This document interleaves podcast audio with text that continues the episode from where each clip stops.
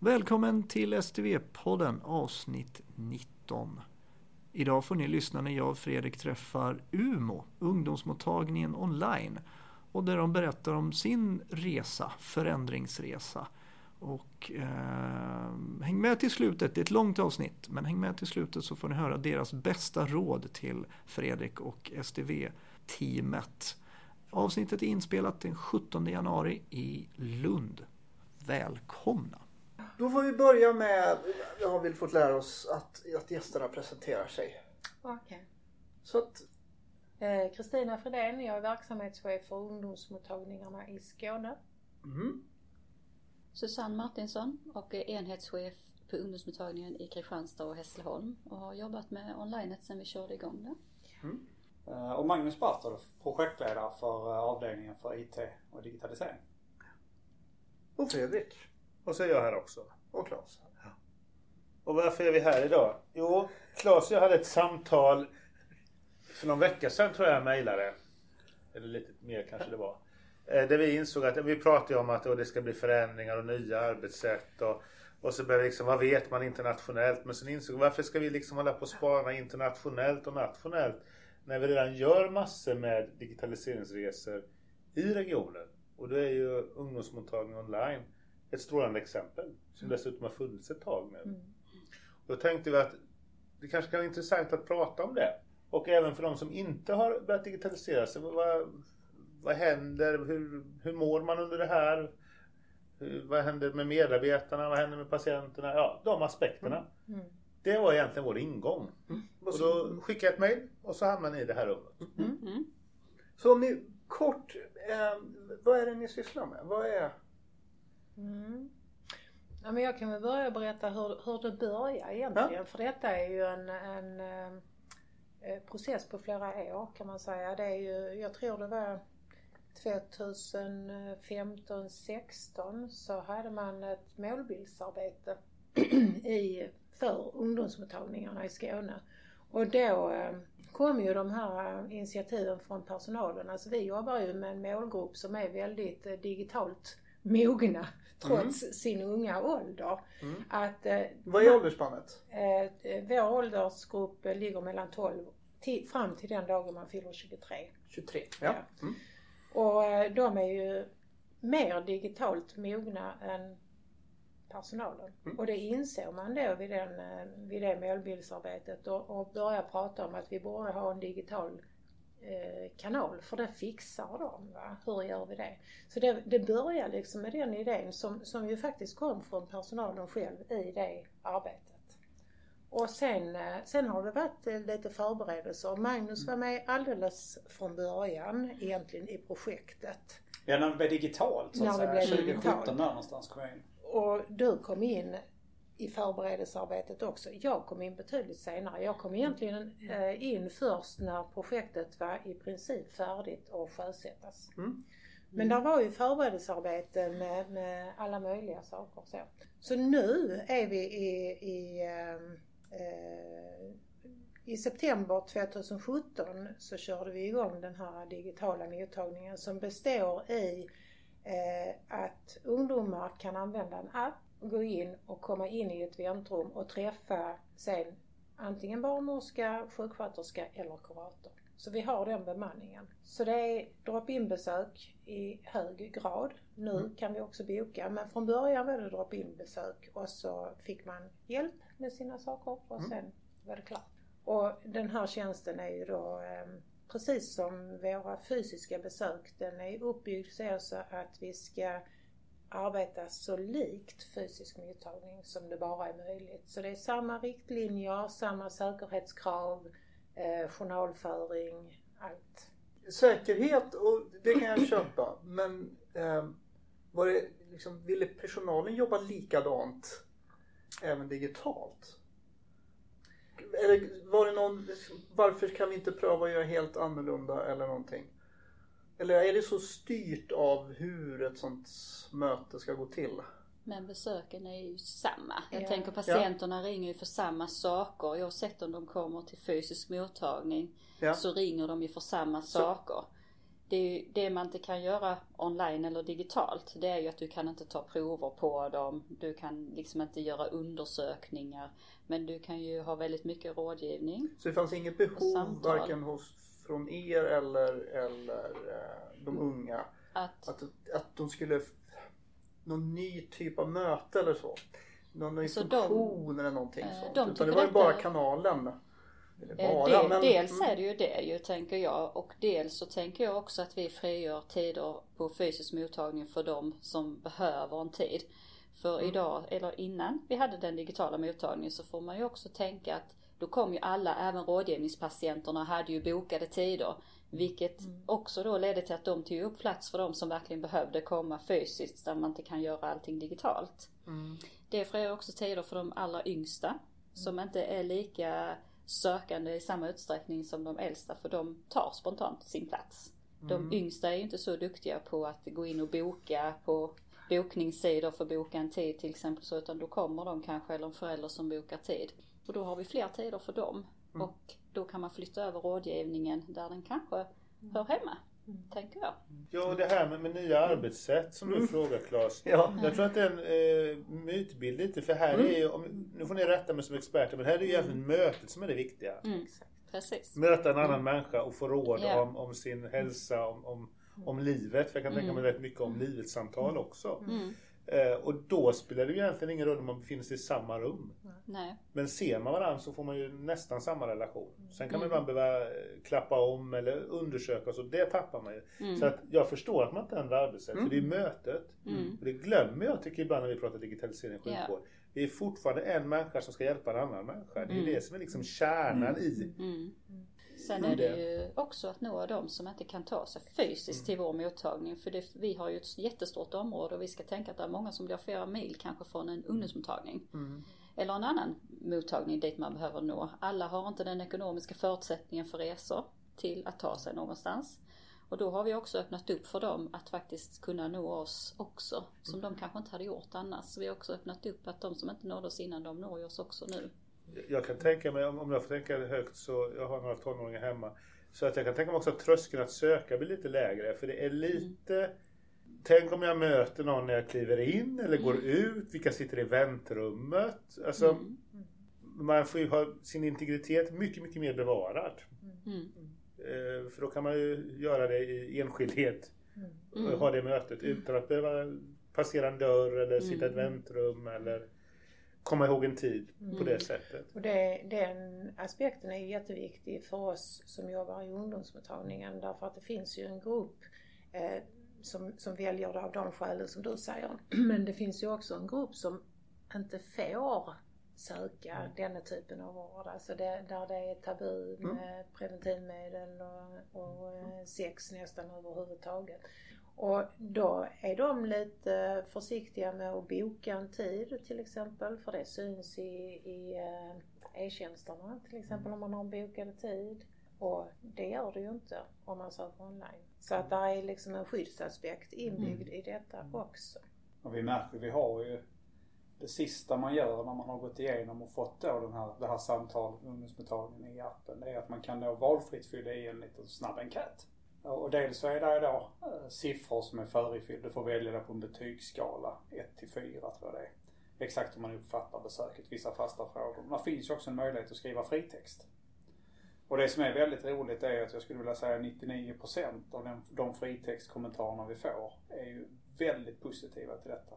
Man tycker just det här aspekten att man sparar oerhört mycket tid, det är enkelt, det går snabbt.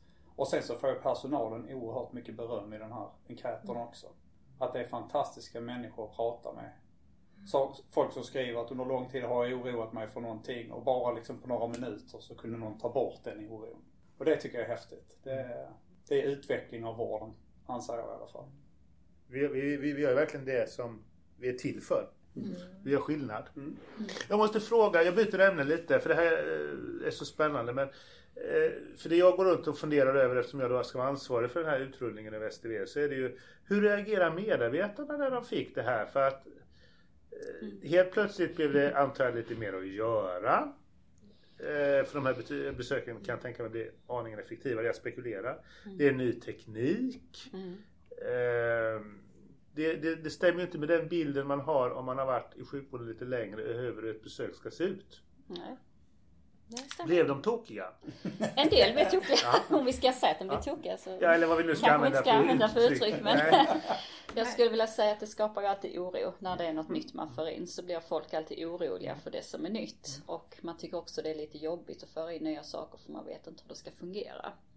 Mm. Vi hade ju då att vi anställde också sjuksköterskor och kuratorer eh, på projektet. Så att de var ju inte tagna ifrån verksamheten från början.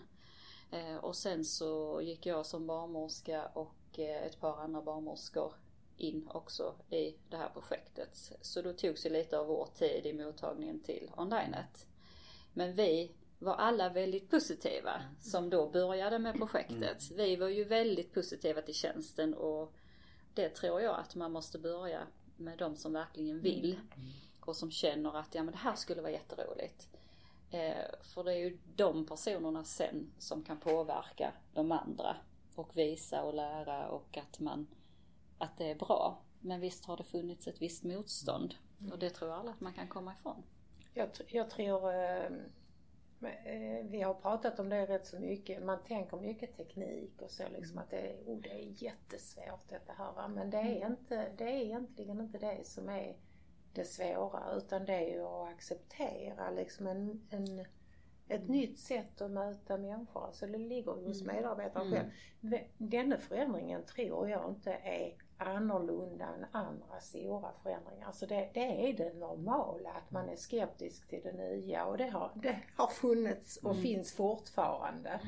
Framförallt kanske i mötet, äh, inte när det gäller den medicinska vården Nej. så mycket, alltså barnmorskearbetet för det är rätt så eh, handfast hjälp man får där. Men, men eh, vi har ju haft lite svårare med att motivera eller anpassa, anpassa oss till förändringen när det gäller det kuratorsarbetet. Att möta människor som vill prata och så. Och det, det har varit lite svårare för kuratorerna att se att mm. det är kvalitet på samma sätt som om vi sitter så här. Samtidigt så de som pratar med kurator som ger sin fritext är ju synnerligen nöjda. Mm. Så att mm. det är ju det är en, en balans och det kommer så småningom. Jo men det blir väl alltid så när ens cirklar rubbas och när man ja. har en, en bild av och, och jag tror att vi inom sjukvården är extra försiktiga till förändring på grund av att vi vet att gör vi fel så blir följderna, alltså vi kan inte testa runt lite. Mm. Utan gör vi fel så, så får det konsekvenser för våra mm. patienter och därför är, tror jag vår tröskel mm. är mycket högre satt och vår skepticism mm. är mycket högre och det tror jag är vår styrka. Mm. Men det är också våran mm. akilleshäl mm. just för att vi då har ni medarbetare som eh, inte alls jobbar i det här utan säger att nej men det här trivs inte vi med. Vi vill inte Vi vill ha de fysiska besöken. Mm, vi har medarbetare som inte är inne. Men det blir fler och fler. Mm. För vi upptäckte ju, vi började ju med att sätta upp mm, stationen hos eh, Susanne i Hässleholm. Mm. Och det höll sig där i, i alla fall... Eh, det höll sig alltså, till årsskiftet. Till årsskiftet 17-18 där ja. Och sen la ja. vi ut ett lavinmeddelande Precis. på telefonsvararna till ungdomsmottagningen att tjänsten fanns.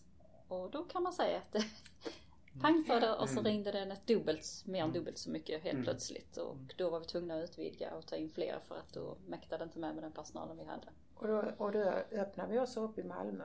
Så då mm. hade vi två eh, fysiska ställen där vi körde digital mottagning. Och det var ju lite intressant för mm. innan så när vi tittar på var, var eh, bor ungdomarna som använder tjänsten så bodde de runt Hässleholm, Kristianstad.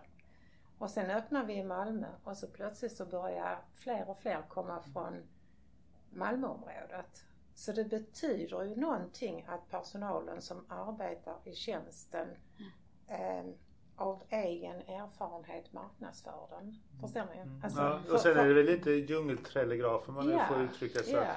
Man pratar mm. ihop sig och så. Men använder inte personalen tjänsten och inte känner sig bekväma med mm. den så informerar man inte så mycket Nej. om den heller. Ja. Utan då, då säger man fortfarande att du kan ringa till oss eller komma yeah. till oss men man pratar inte så mycket om tjänsten.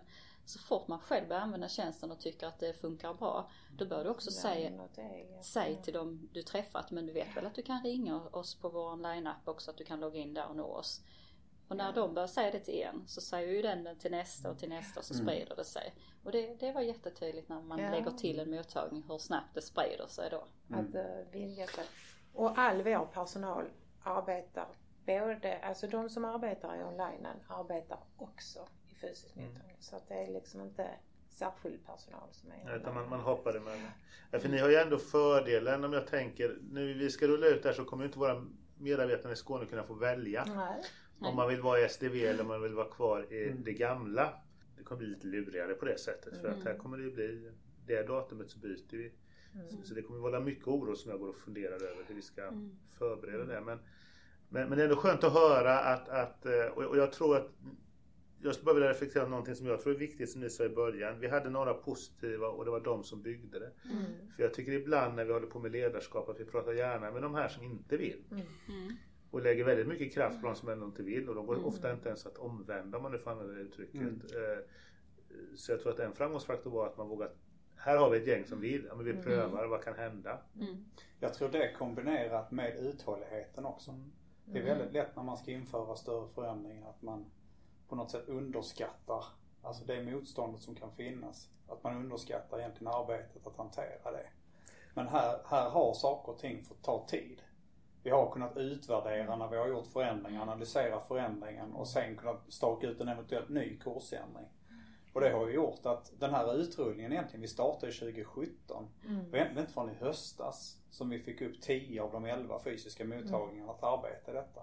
Och det är just för att vi har stött på saker under vägen som vi har fått hantera och anpassa tidplaner och hela tiden då fått köra det här lite dynamiskt. Det, för det tänkte jag på. Ni, jag får intrycket att det har fått växa organiskt av sig själv nästan. Mm.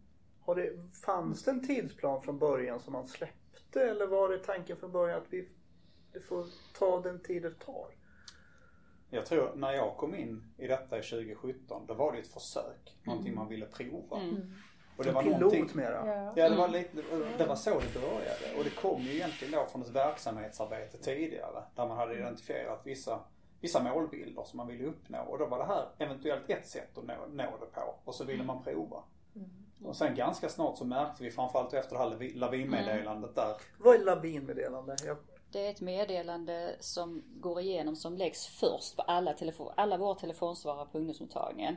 Då kommer det ett meddelande allra först. Som När man berättar. ringer in då som... Så ringer du in så är det det första du hör. Så är det detta meddelande att du vet väl om att eh, du också kan nå oss via UM Skåne online. Kan logga in på appen. Då valde man att lägga det allra först. Ja. Så det första de hörde när de ringde in så var det det meddelandet. Just det. Och då, då är det det första de hör. Och jaha, finns det? Mm. Och då har man också möjlighet att börja leta efter appen och ladda ner den ungdomar är kloka, de hittar ju saker snabbt. Mm. Så att då hittar de ju tjänsten snabbt för att det kom ut. Men, men det är ju så, vi hade ju en, en plan just för piloten först mm. och sen så när det gick bra ska vi fortsätta. Alltså vi fick ta det den vägen. Mm. Den har ju inte förrän nu vid årsskiftet så har man sagt att vår tjänst ska finnas i uppdraget för ungdomsmottagningarna. Så att mm. ända fram till nu så har vi inte vetat, ska det bli permanentat eller mm. inte? Men det, Var det en fördel eller en nackdel eller? Nej men det har varit, jag tycker det har varit en fördel att det inte har varit permanentat eh, på så lång tid för att det har ju vuxit. Va? Alltså mm. vi, vi, vi förstod ju från början, eller vi trodde från början att det var bäst att ha det precis så som vi gjorde mm. och det visade sig att det var rätt. Men det har inte varit självklart för alla som har varit utanför den lilla klicken. Utan det har ju kommit under resans gång att ja, vi skulle, vi skulle haft allihopa från början ungefär. Va? Men nu, nu är vi där ändå, att alla enheter har online-stationer. Och jag tror, jag tror att det har varit bra. Men alla är inte nöjda ändå med det va. Men, mm. Eh, ja, alltså, det, det, blir också, det får växa lite. Det blir en ny fas istället för ett projekt som ja. har en tendens att bli slitet. Även om man i projekt tycker att man är duktig på att informera så vet ni att det blir ändå en viss slutenhet i det där.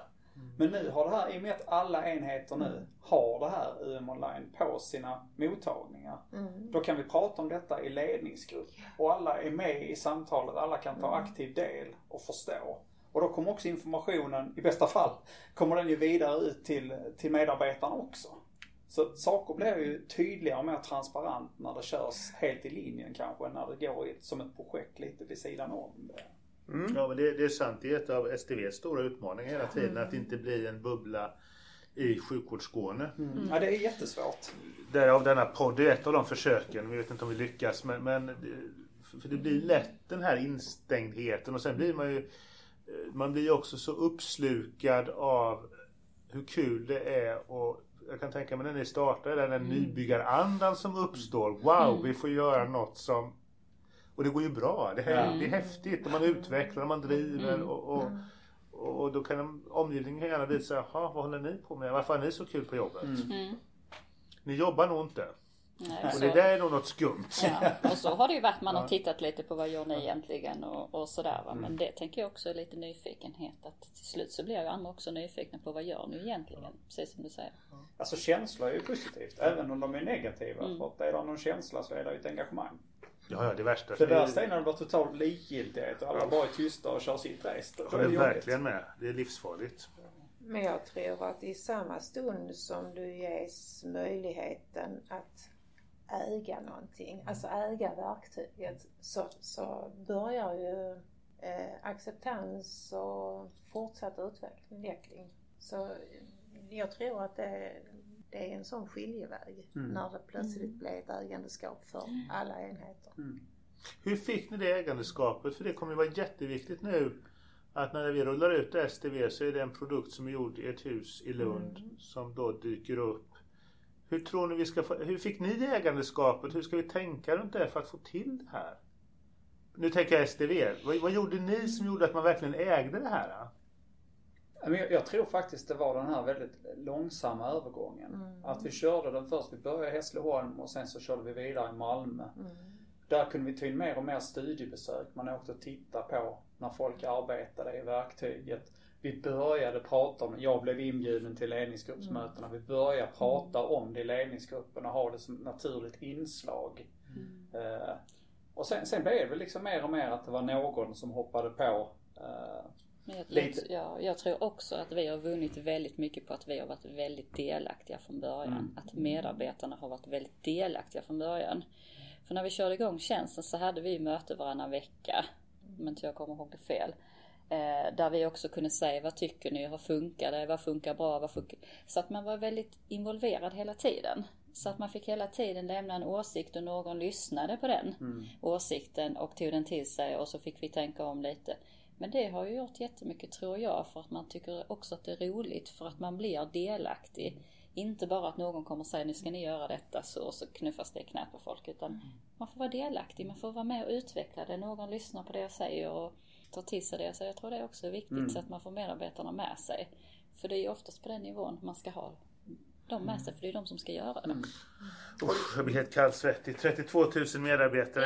Vi ska få dem delaktiga. Men jag tror att du säger det avgörande. Men jag tror man börjar med en liten grupp. Ja. Och, och, sen och det, så kommer den gruppen påverka den större ja. massan. Ja, men, och jag tror att du säger, och, och det är så eh, faktiskt programmet är byggt här. För 70% av de som är i programmet och gör mm. det här kommer faktiskt direkt från mm golvet som vi brukar säga, så har gått i mm. vita kläder är sjukvårdsmänniskor. Och det är en viss mm. del i delaktigheten bara att bygga det. Mm. Sen, sen, är ju det här en större träffyta. Men, mm. men det är viktigt det du säger och det, det, ska jag ta med mig och jag vill nog göra det medskicket till de som lyssnar och har en ledande position och även inte, utan även som medarbetare. Man försöker göra sig delaktig. För det är också ett ansvar man för, måste ta som era medarbetare har uppenbarligen också tagit ansvaret att göra sig delaktiga. Mm. Mm. Absolut. För det är, det är en tvåvägs, det räcker inte att man som chef Nej. vill göra om man inte, man måste ha någon att dansa med. Ja.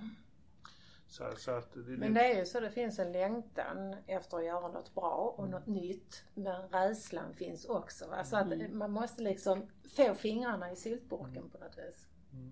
För att uppleva när det lyfter. Ja, ja för, för att jag tror att precis som du säger, jag vill spela vidare direkt på den längtan. Jag tror att vi underskattar längtan mm.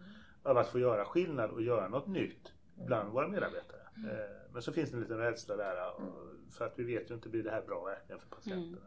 Mm. Men att det finns en förändringsvilja, den tror jag vi underskattar Mm. oftast. Patienterna, fick de vara med och skruva i början också? Inte egentligen, nej inte egentligen. Inte mer än att vi som sagt tog emot de här kommentarerna från, från eh, patienterna. Var de så De- positiva från början då? De var Ja, med. det var de. Det, det, är li- en sanning med modifikation för att innan eh, vi kom in så i det här målbildsarbetet så hade man ju något ungdomsjam. Alltså där man var med och pratade, två tillfällen tror jag. Eh, där man samlade ett, en grupp ungdomar och pratade med dem om framtidens vård. Alltså vad behövde de? Hur ville de ha det? Mm. Hur ville de komma i kontakt? Och det var ju en del i varför denna idén föddes. Så de har ju varit med precis där. Men vi har ju, och det, det tror jag, det skulle vi kunna gjort annorlunda och, och det har snuddat ibland i våra diskussioner att vi skulle haft något eh, ungdomsråd. Hur, hur, hur gör vi idag och vad kan bli bättre? Ni har inte det? Vi har inte det. Och, Och det- nu, det tror skaffa jag- det, det är skithäftigt. Ja, jag har haft det jag- som chef. Jag tror Gud, att vi ska, ha, vi ska ha det. Alltså det kommer ju rätt så mycket nu med, ni vet barnkonventionen Mm. i lag och så. Det blir, det blir lite mer eh, lyft till ytan igen. Mm. Så att eh, det kan vara någonting som vi ska ha med. Framförallt så är det jag vill verkligen slå ett slag för det. Jag har haft det flera gånger när jag har varit chef för verksamheter. För de Mm. plockar bort massor med saker som vi tror Det är viktigt. att är viktigt. Mm. Och så kan de fokusera på det som är viktigt. Så helt plötsligt får vi tid för att göra det som gör skillnad. Mm. För vi glömmer ibland bort det. Alltså ibland blir det så... Ja, jag skaffar det. det är, och det är häftigt. Vad man lär sig. Du hade äldre. Mm, jag hade en äldreråd på akuten i Helsingborg. Oj, oj, oj. De både spara pengar och verksamhetsutveckla åt mig. Mm. Och ställde de jobbiga frågorna. Varför gör ni så här? Ja, vi brukar göra så. Ja, de var fantastiska. Mm. Jag tänkte på att- att driva utveckling med teknik i vård. Är i mina ögon något av det svåraste som går att göra. Det är för det finns så mycket regleringar och lagar och rädsla att göra fel och så vidare. Hur, hur var det för er? Ja, det var också en fas vi gick igenom. Eh, det, det tog ju som sagt, det tog väl en eh, tre, fyra månader för oss att kunna få upp systemet och då är det ju i praktiken ett färdigt system vi köper. Och det var ju mycket för att vi skulle göra genomlysningar då från olika håll och kanter för att säkerställa att det här systemet är eh, innanför ramarna så att säga. Men det, nej, det, det är en utmaning och det är tufft och där fick vi ju tänka om i vissa, vid vissa tillfällen också. Jag tänkte på det här med mobilt bank-id. Ett tag var vi inne på att den skulle vara anonym och så vidare. Men där fick vi tänka om efter att ha gått igenom regelverket noggrannare och så. Men det, det är absolut en utmaning när man sätter upp ny teknik. Det är det. Den processen var förhållandevis kort ändå. Mm, det var den. Den var väldigt kort. Den var intensiv. Ja. Ja, så Men det är tre månader är ingenting. Men när man väljer att inte sova så mycket på nätterna så får man ju mer tid att arbeta på. För då var det ingen given, höll jag på att säga, du, fick ta din tid det tog. Utan då verkar det ha varit ganska tajt. Ja, alltså det, vi hade ju vi hade ett körschema. Ja. Eftersom vi hade en, en, eh, en tjänst vi köpte som vi kunde få väldigt väl specificerad så handlade det egentligen om att vi skulle driva igenom en viss process och se till att den informationen granskades. Det var egentligen så vi fick göra. Och så då eventuella anpassningar om vi märkte att exempelvis det här med mobilbank-id, att vi var tvungna att ha det.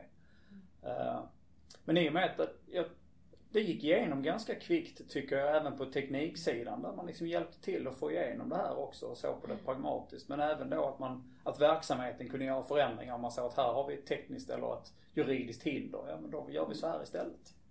Så det är väl ett givande och tagande så att säga. Men det är, det är absolut en utmaning med alla regelverk och, och så som vi behöver följa här för att göra saker på rätt sätt.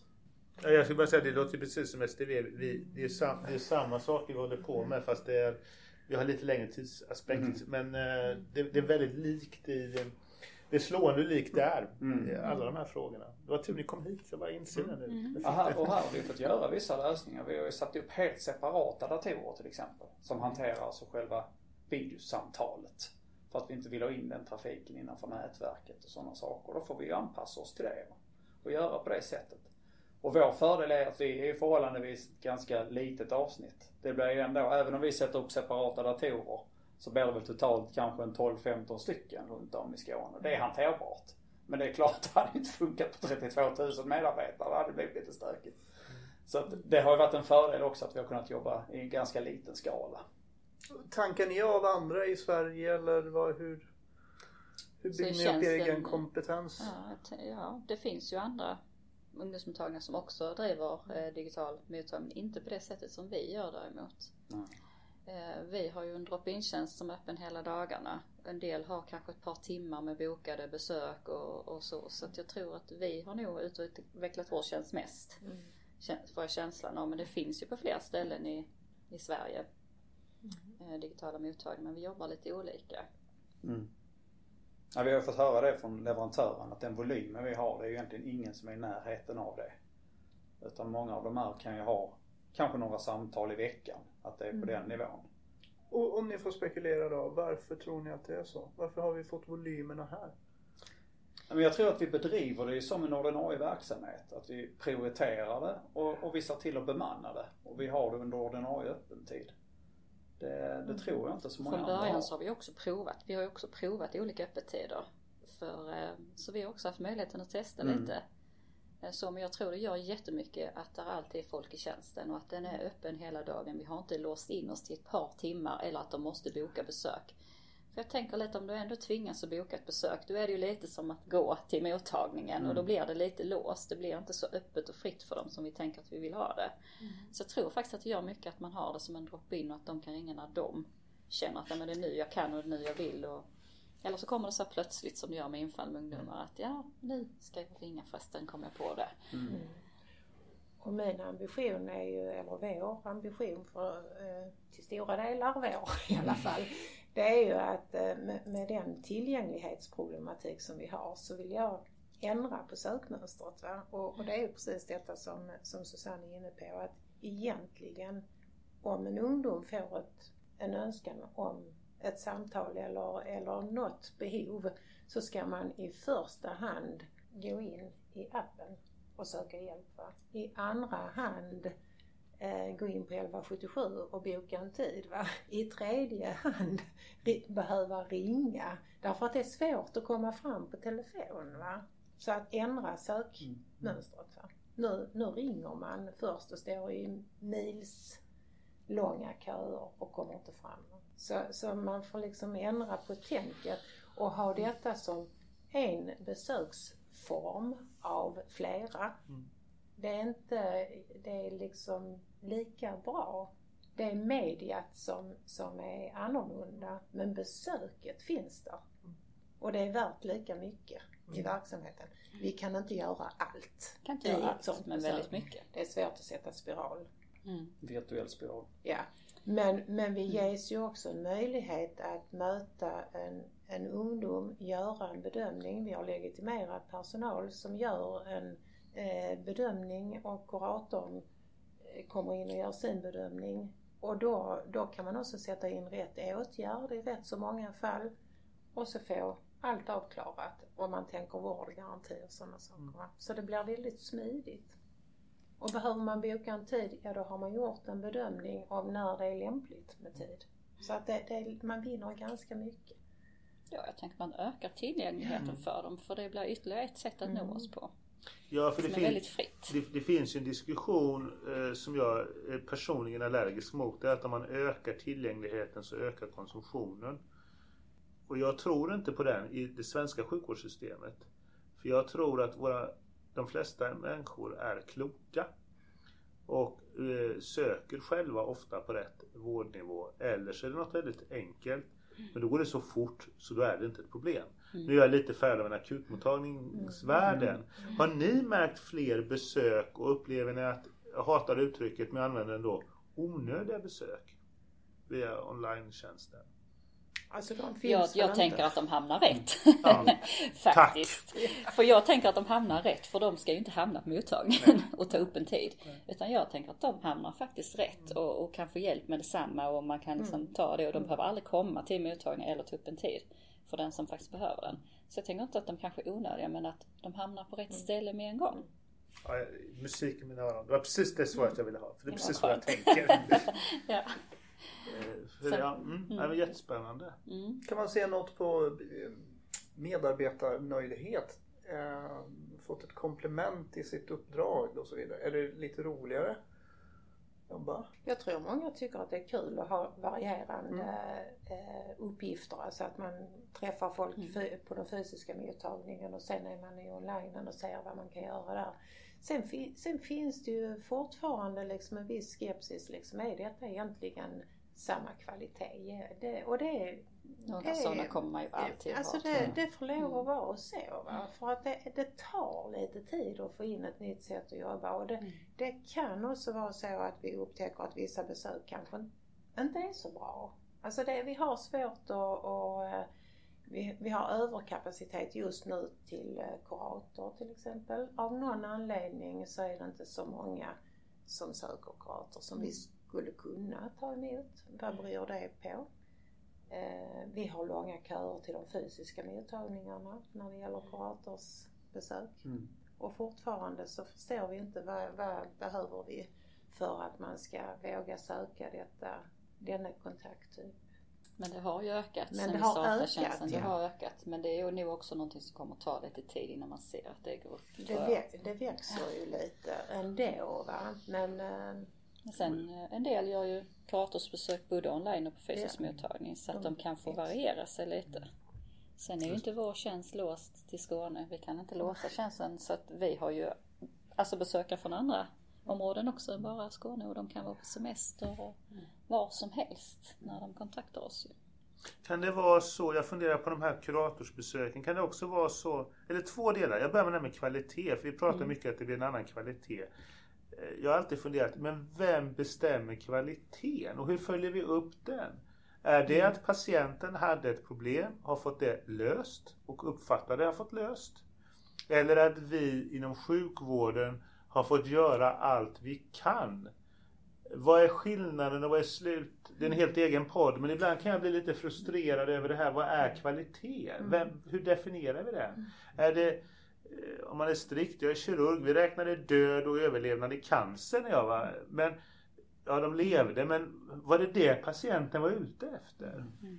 Var det kvalitet de nio månader eller fyra åren eller tio åren vi gav dem? Alltså ibland funderar jag på det här kvalitet, för vi, vi bråkar ofta om det, eller bråkar, vi diskuterar det. Mm. Och framförallt när vi inför ny teknik, då blir helt plötsligt kvaliteten sämre. Jag tror snarare tvärtom, för det går ju att följa upp. Mm.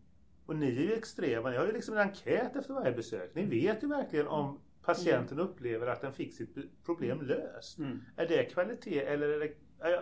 Det är en helt annan podd men, men frågan är intressant. Kompetensen sitter ju i personalen. Mm. Mediet är ju bara ett sätt att förmedla. Ja. Så, och och, och jag, jag håller med dig Fredrik, för jag tycker det är lika svårt att, att eh, diskutera kvalitet som tillgänglighet. Mm. För vad är det som säger att uh, vi kan mäta tillgänglighet med att mäta telefonsamtalen? Uh, det är ju den som får hjälp som bedömer om tillgängligheten är god eller mindre god. Ja, och vad är förväntan? Jag säga, och kvaliteten ja. också ja. Det är som väntetid på akutmottagning. Får patienten mm. vänta mindre än, än fyra timmar så uppfattar den att den har väntat väldigt kort. Jag tycker fyra timmar är jättelänge. Ja. Mm. Men förväntan är att man ska vänta tolv. Mm. Så då blir man lycklig om man bara väntar fyra. Mm. Och det är lite samma här. Ja. Vad är förväntan? Alltså, mm. Vad finns förväntan? Och vad, och, ja, det är en annan podd ja, men den, ja. den är intressant. Den är och den kommer bli extra intressant nu när vi rullar ut STV för då kommer vi faktiskt få instrument också att följa upp det med siffror utifrån ett utfall, ett medicinskt utfall. För det Just kan vi inte riktigt göra. Nej, och den är väl jätteviktig. Mm. För då vet vi verkligen. Har det blivit bättre? Mm. Mm. Söker de mindre, vi kan till och med följa dem över tid. Utvecklas det? Mm. Minskar aborter? Minskar den psykiska ohälsan? Mm. Vi kan till och med följa det på individnivå. Mm. Bortsett lagstiftning så finns det i alla fall förutsättningar nu. För nu har vi alla i samma ja, system. Vad är nästa steg? Vad vill ni göra nu? ja. ja, alltså nu vill vi ju vi vill ju fortfarande se om besöken ökar, för det gör de fortfarande.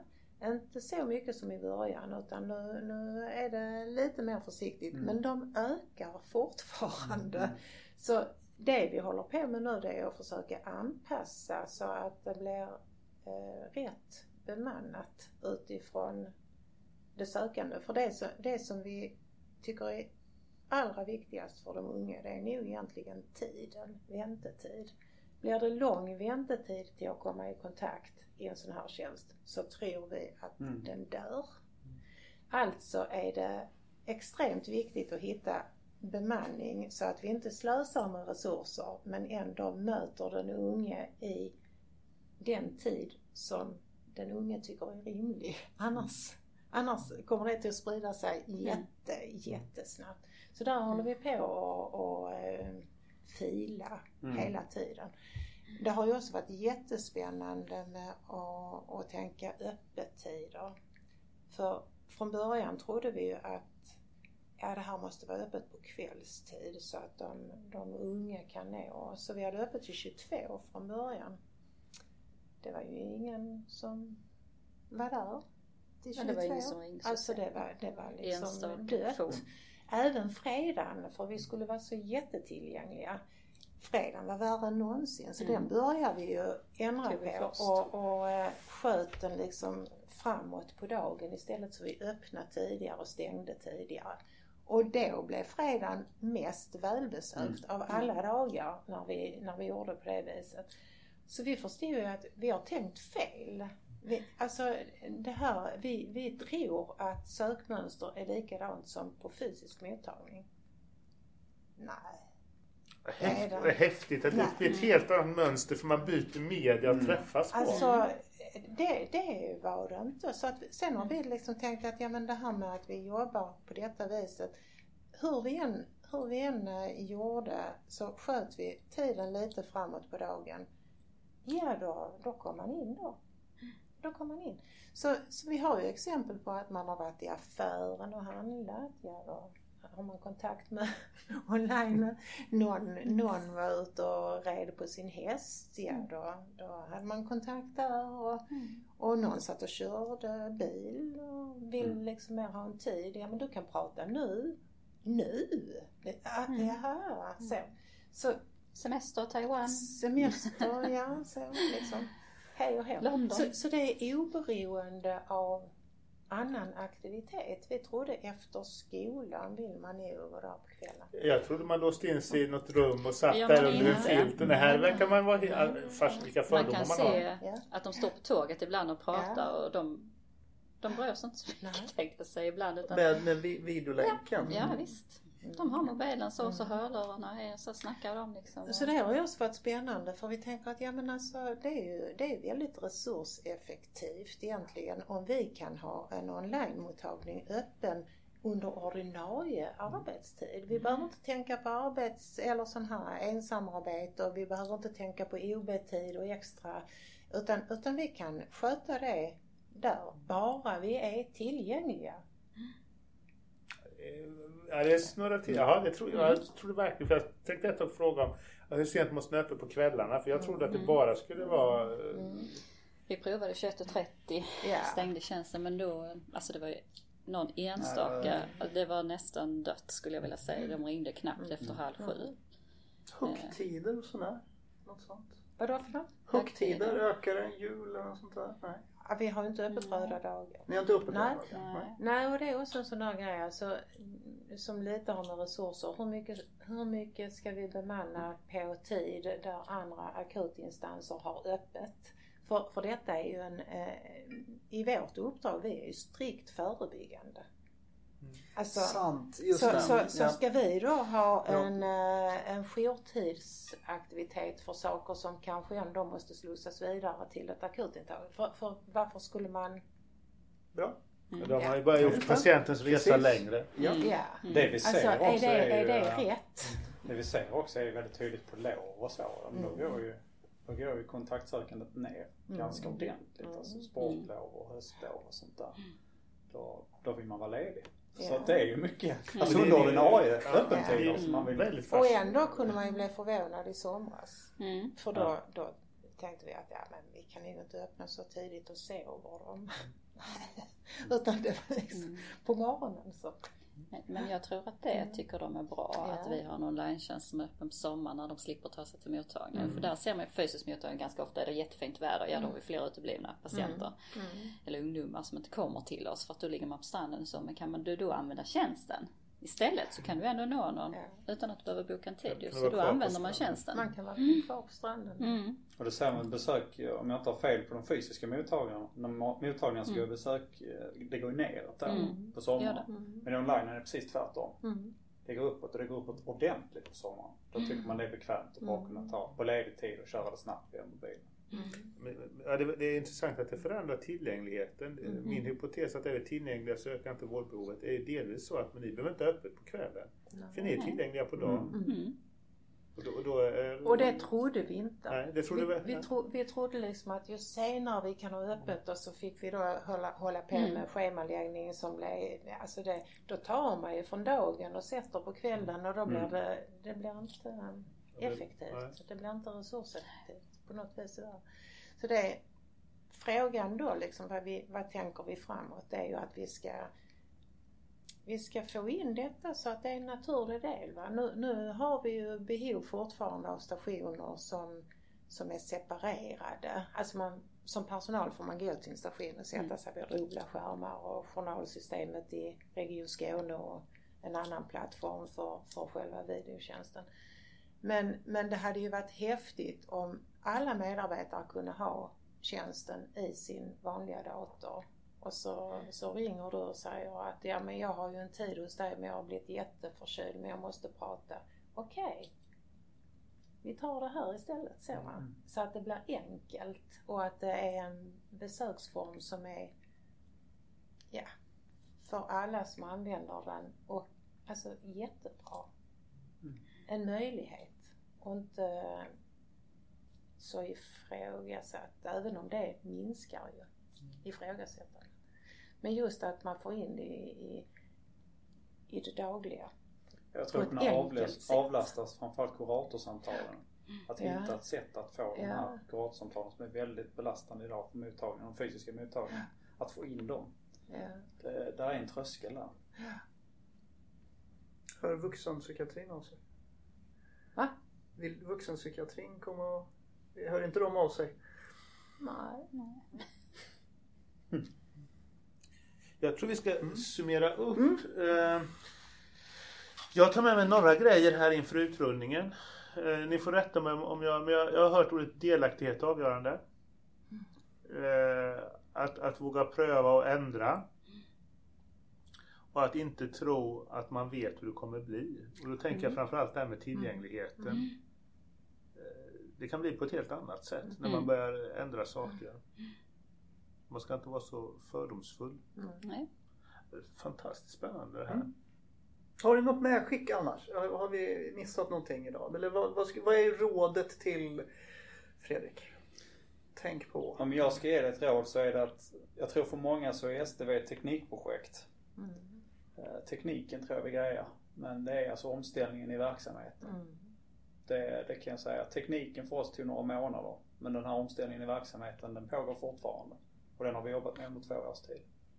Mm. Så att ha uthållighet i det och lyssna. Mm. Ja, jag, jag håller med. Detta är inte ett mm. teknikprojekt. Och, och, och sen lite jag tycker att man, man måste acceptera, eller vi alla måste acceptera att förändring är svårt. Alltså det är jättesvårt. Jag, jag nya tågkort och sånt, alltså det tycker jag är jättejobbigt. Alltså det, jag tycker inte alls det var bra att jag skulle behöva så va. Man måste, man måste acceptera det, att det tar lite tid och vi är lite olika snabba på att hoppa på det och vi är lite olika snabba på att se fördelarna med det och så, men det kommer. Och det finns ju en enorm potential i, i, och kraft i vår verksamhet att att göra saker bra för de unga. Va? Mm. Det är också jätteviktigt eh, att veta att den, det finns ju. Man vill göra det bra. Mm. Det får man inte glömma bort. Stort tack! Tack så jättemycket. Mm. Tack för att du var här. Mm.